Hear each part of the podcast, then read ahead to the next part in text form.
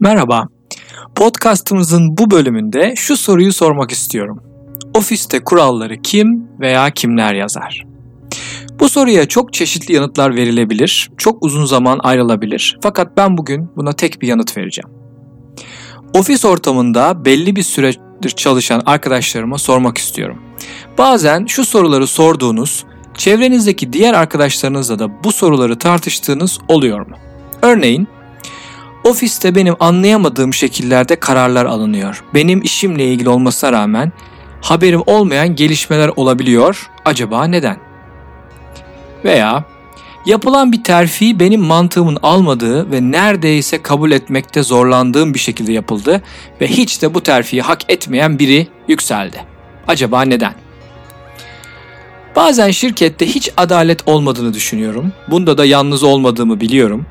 Acaba haklı mıyım böyle düşünmekte?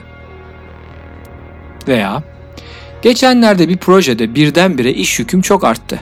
İş yükünün paylaşımında adil olunmadığını düşünüyorum ve müdürüm beni istediğim biçimde desteklemiyor. Acaba neden? Veya son satış projesinde çok çalıştım. Kendi performansımı da biliyorum, görüyorum. Fakat ne takımdan ne müdürümden olumlu bir dönüş, bir takdir alamadım.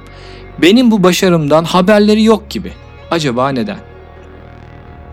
Söylediğim gibi bu konuların hepsini tek tek tek ve kısa bir sürede çözmek mümkün değil. Fakat günlük operasyonel konuların üzerine çıkıp genel bir bakışla bu konuya bakarsak ofis ortamında size garip gelebilen, adil olmadığını düşünebildiğiniz farklı kurallar geçerlidir.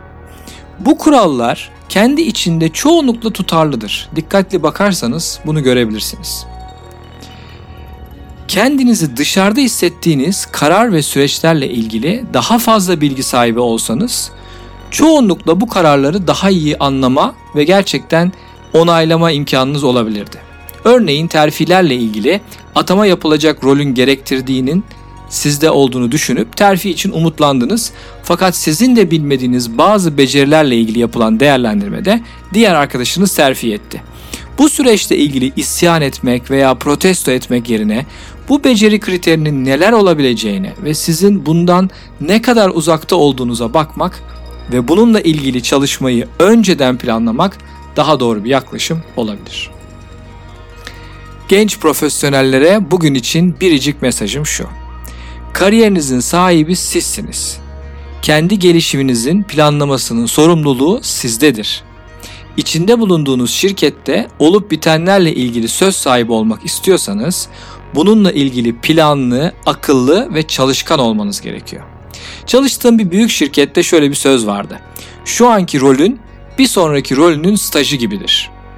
Bir sonraki rolünü düşünerek, planlayarak, bilinçli biçimde şu anki rolünü yerine getirmelisin. Bu konuda ben eğitimler yapıyorum ve bu konuyu daha geniş tartışma olanağımız oluyor. Eğer ilgilenirseniz bana ulaşabilirsiniz. Görüşmek üzere.